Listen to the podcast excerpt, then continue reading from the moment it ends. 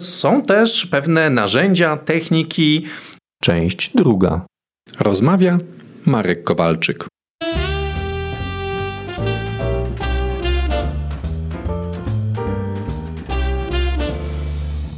Aby dowiedzieć się więcej, odwiedź mój blog projektynaczas.pl. Zarządzania realizacją, czy w ogóle najpierw zaplanowania projektu, już pomijając ustalenie celów, i to zarówno jednym projektem, jak i wieloma, żeby nie popaść w zławiel. No właśnie, więc y, i tak jak wspomnieliśmy na początku, że y, często jest tak, że z racji temperamentalnych czy osobowościowych, przynajmniej taka jest moja fantazja i moje doświadczenie w pracy z, z osobami z HR-u, w przeciwieństwie do na przykład IT lub inżynierów, gdzie, gdzie to podejście procesowe, takie bardziej oparte na pewnych zasadach, procedurach i tak dalej, jest bardziej mm, naturalne.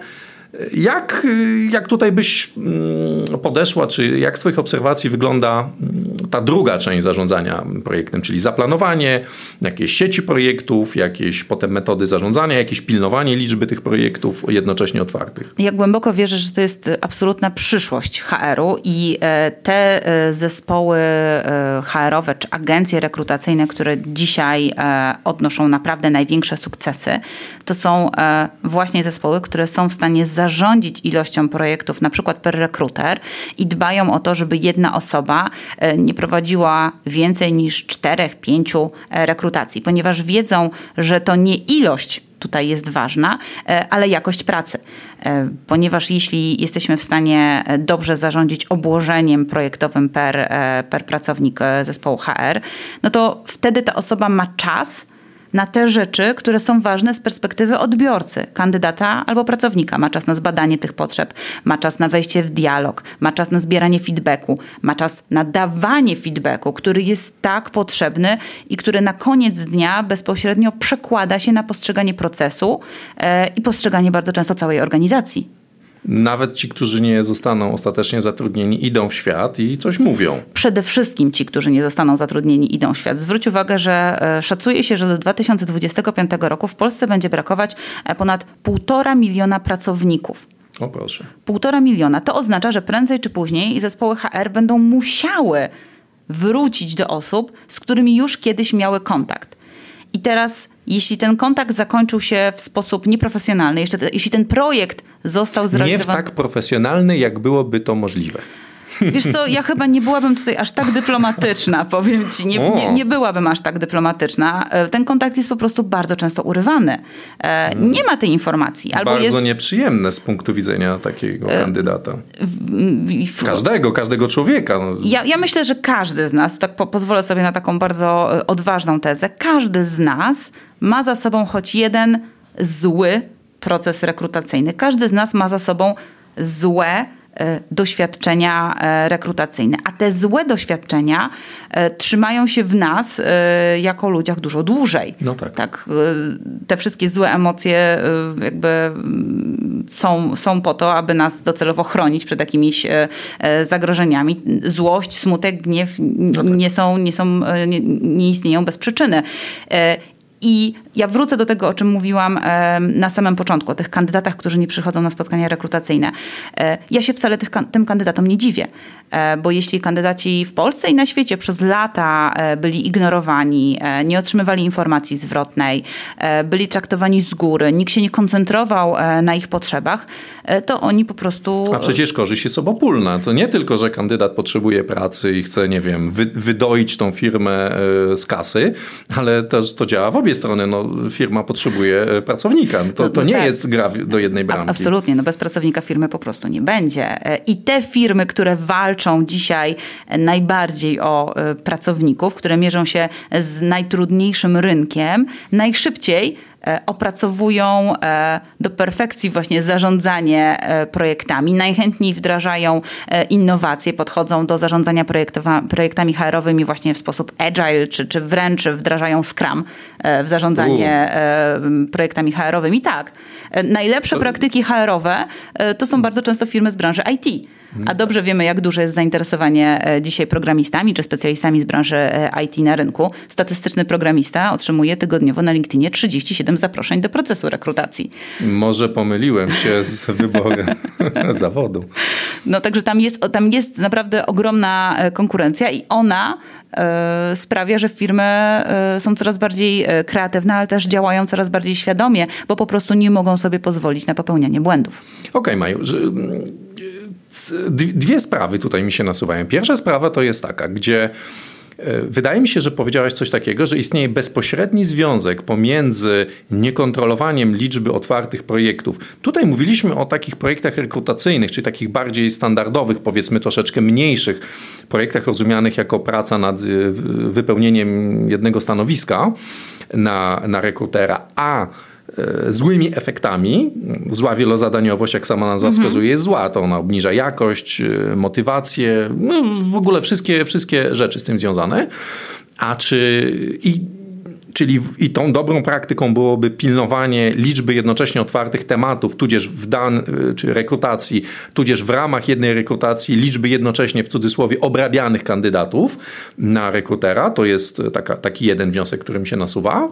Mm, potem powiedziałaś o, przeszliśmy z y, zarządzania mm, jakby obciążeniem rekrutera, y, mówiąc ściśle o rekruterach, przeszliśmy do pewnych metod zarządzania. Wspomniałaś tutaj Scrum, co jest bardzo dużym dla mnie zaskoczeniem, ponieważ to jest ostatnia metoda zarządzania projektami, którą bym y, rekomendował jako podejście do, zwłaszcza do podejścia do rekrutacji, dlatego, że są to projekty jednak, jeżeli możemy tak mówić, projekty, procesy, to w ogóle osobna dyskusja na moim blogu e, projekty na czas.pl mam w ogóle całą masę mhm. materiału, nagrania z konferencji, kiedy rozmawiam o tej różnicy, czy taki projekt można traktować jako projekt, czy to już jest proces, więc tej dyskusji nie będziemy tu prowadzić, mm, ale no bo to jest jednak dosyć standardowe, a, a Scrum i okolice Agile są jednak e, zbudowane czy zaprojektowane pod kątem e, rzeczywistości, która jest bardzo zmienna, gdzie wymagania, posługując się taką macierzą stworzoną przez Johna Highsmitha, gdzie zarówno wymagania są niestabilne, jak i technologia jest nieznana. A przy rekrutacji, kurczę, na znane stanowisko i technologia, czyli sposób rekrutacji i, a kręcisz głową, słuchacze tego nie widzą, jak i e, wymagania są relatywnie stabilne. No więc... No wiesz co, ja się z tobą tak do końca nie zgodzę. Okay, dobrze, rynek, to jest ciekawa dyskusja. Bo ten rynek bardzo dynamicznie się zmienia e, i chociaż narzędzia e, jakby Mm, suma narzędzi, e, z których mogą korzystać e, HR-owcy jest, no, można by powiedzieć, zamknięta, to ona się bardzo dynamicznie zmienia i, i ja myślę, No ale że... nie zmienia się mm, z tygodnia na tydzień.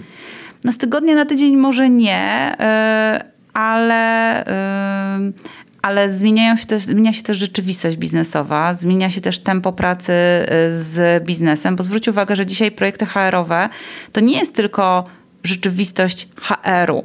To jest y, projekt wspólny, y, w którym trzymając się e, tej terminologii e, programistycznej i świata biznesu, jeśli chcemy zatrudnić dobrego programistę, to nie, musi, to nie wystarczy nam sam dobry rekruter. Musimy mieć jeszcze e, przedstawiciela biznesu, bo na koniec dnia to szef najbardziej przyciąga potencjalnego kandydata. Lub odstrasza.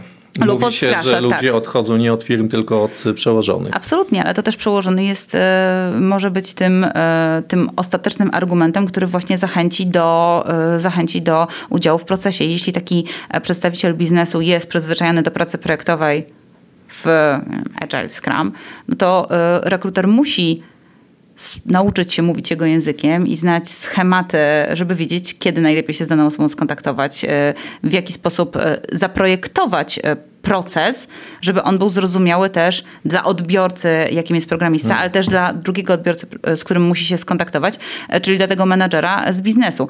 E, I tutaj dochodzę do jeszcze jednej rzeczy, o której myślę, że warto powiedzieć w kontekście projektów HR-owych, a mianowicie o zaplanowaniu całego schematu procesu, tak żeby każdy członek zespołu wiedział dokładnie, co ma się wydarzyć, jaki jest kolejny krok. E, o, i tutaj dochodzimy do tego, co ja powiedziałem. Jak to się mówi, Kowalczyk wyrzucony drzwiami wraca oknem.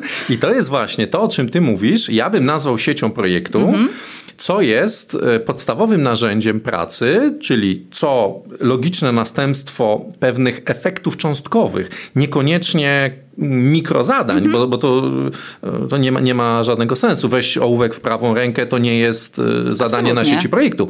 E, czyli zaprojektowanie takich standardowych kroków, których sposób wykonania może być elastyczny i tak. nawet powinien być. I to jest dla mnie wyznacznikiem, mm, czy podstawowym narzędziem pracy w projektach o tak zwanym relatywnie stabilnym zakresie. Mhm. Relatywnie stabilny zakres, to znaczy wiemy, że mamy zatrudnić programistę, który będzie programował, czy będzie musiał się wykazać takimi a takimi znajomościami, nie wiem, języków programowania, frameworków, czy tam innych interfejsów lub API-ów, więc e, to, nie, to nagle nie zamieni się w rekrutację operatora wózka widłowego albo kosmonauty, więc... E, Och, wiesz co, czasem jak patrzę na polskie rekrutacje Aha. i niestabilność i niestabilność no. właśnie tych decyzji, to bardzo często widać na przykład e, w przypadku widełek wynagrodzenia. Weźmy sobie firmę, która poszukuje project managera. Mhm. Wydawać by się mogło, że no, project manager, jasne, ma pewne konkretne obowiązki, ale już na poziomie widełek, które są bardzo, bardzo szerokie. Firma nawet jest dumna, tak, ponieważ podaje widełki, wszyscy kandydaci chcą wiedzieć, jakie są widełki, firma podaje widełki. 5015. O. No to no jaki to, to jest project manager? O zupełnie to, różnych zobacz, no właśnie, umiejętnościach czy, czy na pewno firma wie, kogo poszukuje. Może poszukiwać seniora, może poszukiwać, poszukiwać mida, może poszukiwać juniora, którego, którego wdroży. A w zależności od e, tego, kogo poszukuje, e, należy dobrać zupełnie inne narzędzia. Okej, okay, no dobrze. I teraz Maju, zobacz. E, z mojego doświadczenia wynika i obserwacji, wynika, że mm, tak zwana ta zwinność, w cudzysłowie, może wynikać z dwóch źródeł. Jedno źródło to jest rzeczywiście, mm, używając trudnych słów, tą immanentną cechą tej rzeczywistości jest yy, zmienność. Po prostu ona jest nieredukowalna, choćbyśmy nie wiadomo ile myśleli i jak bardzo się przygotowywali, to po prostu takie kwantowe fluktuacje mhm. rzeczywistości. Mm, to jest jedno. A drugie, często jest tak, że, że takim, taką wymówką do zwinności, wymówką jest to, że po prostu jest to źle przygotowane. Ludzie nie mają tego przemyślanego. Nie wiem, czy kształtu produktu, mówiąc najszerzej w, w, języku zarządzania projektami, a w przypadku, tu się skupiamy na projektach rekrutacyjnych, ale mhm. chciałbym, żebyśmy wyszli troszeczkę też z tej niszy rekrutacyjnej, yy, oczekiwań co do kandydata i tego, co możemy zaoferować. Więc twoim zdaniem, na ile to jest rzeczywiście taka nieusuwalna mm, niepewność co do tego i zmienność, nie wiem, że z dnia na dzień się wręcz wszystko zmienia, a na ile to jest po prostu kwestia tego, że ktoś nie miał czasu, ochoty, chęci, nie przemyślał, czy to HR, biznes partner, czy mm, czy szef po prostu tego nie przemyślał, nie przygotował się dokładnie, no i stąd takie wolty nagle się dzieją. E, Jak to się rozkłada? 50-50, no, 90-10? Nie, no ja myślę, że niestety przewaga e, idzie w stronę tego bałaganu e, wewnątrz organizacji. Czy taka zwinność trochę ta sztuczna? Znaczy to no, zwinność, no bałagan. No, bałagan, no nie nazywajmy. tak, aczkolwiek myślę, że też problem troszeczkę jest taki, że ta zwinność jest teraz bardzo modna. O tak. I wszyscy chcieliby być Czy zwinni. Zwinni, a nawet agile'owi. A nawet agile'owi, właśnie tak jest, tylko nie do końca wiedzą, jak to zrobić. Ale ładnie się nazywa. Ładnie się nazywa, chcielibyśmy być zwinni, a no, nie do końca szczupli, wiemy. bo jest jeszcze lean. Nie wiem, co, nie wiem, co teraz bardziej na topie, czy lean, czy agile. Szczupli, zwinni, gotowi, tak? No, no, no tak, właśnie, e, tak właśnie jest, e, a często jeszcze centrala to narzuci, no to musimy być zwinni, ale róbmy te swoje projekty, mm, te swoje projekty e, swoim, swoim torem. Dlatego może ja tak podsumowując, zachęcałabym nie tyle do przyczepiania się do konkretnej terminologii, tylko po prostu do strukturyzowania procesu, układania go w pewien schemat, określania, e, kto w tym procesie bierze udział. Czyli kto jest... sieć projektu. Okay. Nazywana Dobrze. tym językiem takim zarządzania projektu. O. cieszę się. E, cieszę się. No dobrze, a teraz mm, Maju, pytanie jest teraz takie, czy twoim zdaniem w projektach HR-owych, już wychodząc poza rekrutację, czy jest jakaś specyficzna specyfika e, zarządzania tymi projektami? Mówię o dobór metod e, i podejścia, no bo właśnie, my jesteśmy specyficzni, w HR-ze to się tak nie da, czy to tak jak z tym mierzeniem. Mówimy teraz o planowaniu i zarządzaniu realizacją. Częściowo tego tematu już dotknęliśmy, ale no właśnie, na ile Twoim zdaniem pewne uniwersalne, dobre praktyki można e, zaimportować, czyli ustalamy e, kolejność zadań, co od czego zależy, przypisujemy odpo osoby odpowiedzialne, mm, nie wiem, raz na jakiś czas sprawdzamy, jak nam idzie względem czasu budżetu założonego. Nie, nie, nie używam tutaj pojęć takich jak metoda łańcucha krytycznego czy innych, no a tak zupełnie na razie intuicyjnie mówiąc. Znaczy, no, ja myślę, że w projekcie HR-owym. Yy absolutnie można zastosować wszystkie te elementy, o których e, mówiłeś, tak? Bo najpierw musimy sobie z, z, określić, jaki mamy status quo, jaką mamy, jaki mamy punkt no wyjścia, e, przebadać naszą grupę odbiorców, sprawdzić, jakie mamy dane.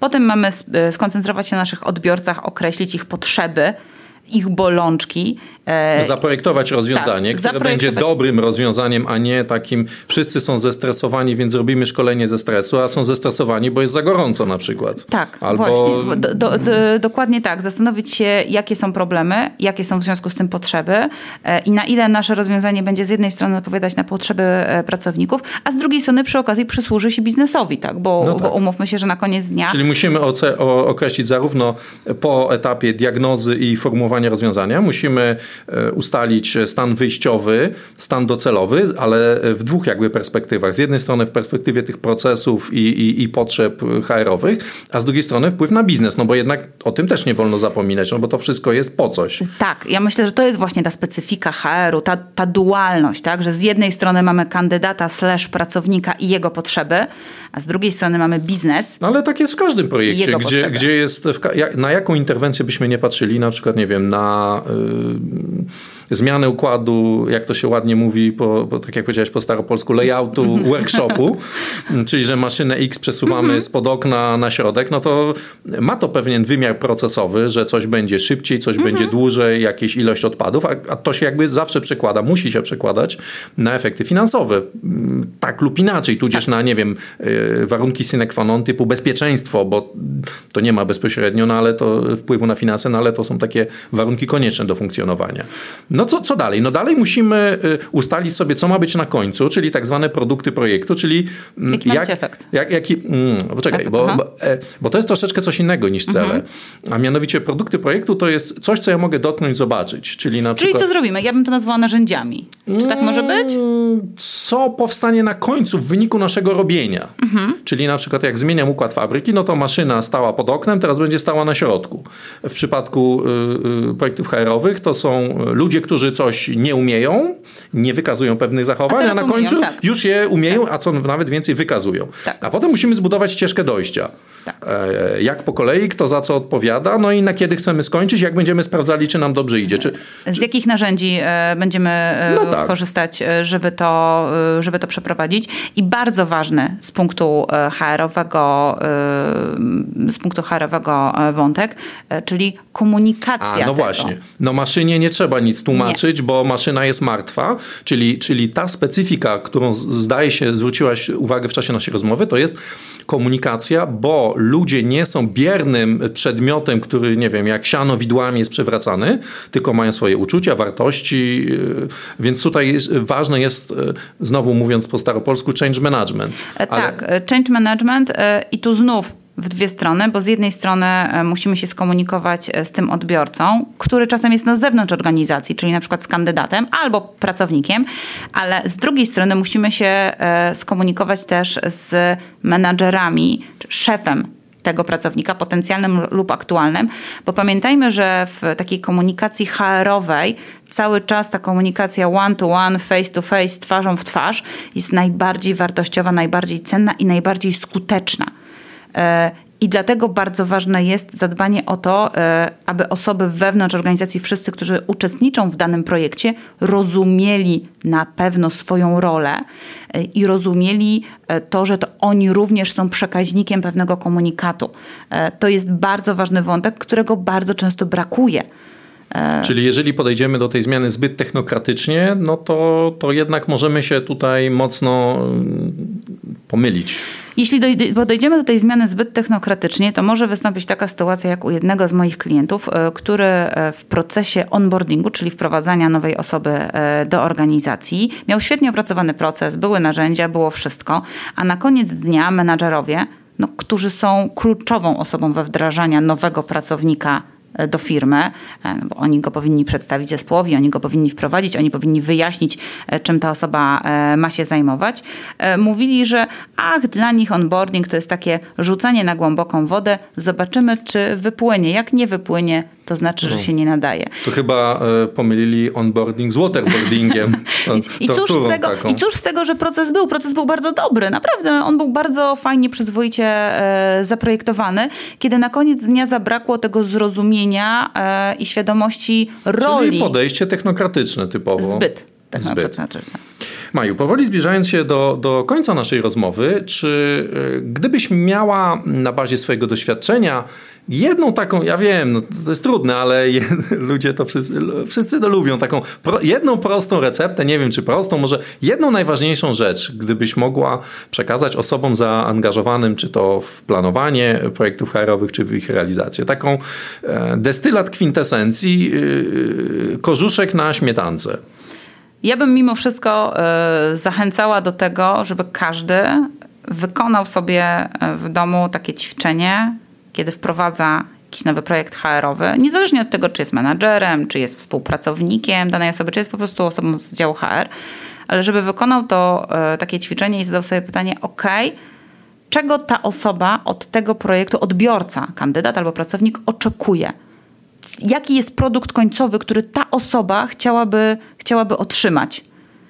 I wtedy takie pytanie pozwala całkowicie zmienić perspektywę podejścia do projektu i dużo łatwiej jest zaplanować, e, zaplanować kolejne, kolejne działania, no a poza tym badać. Jasne, rozumiem. Zanim się pożegnamy, jak e, nasi słuchacze mogą się z Tobą skontaktować? Na LinkedInie e, Maja Gojtowska, na Facebooku posiadam swoją stronę gojtowska.com e, albo przez bloga gojtowska.com. Tam są do mnie wszystkie dane kontaktowe i formularz kontaktowy, także tak myślę będzie najprościej. Maju, dziękuję Ci bardzo za rozmowę. Była ona dla mnie bardzo pouczająca. Również bardzo dziękuję za zaproszenie. Rozmawiał Marek Kowalczyk. Aby dowiedzieć się więcej, odwiedź mój blog projektynaczas.pl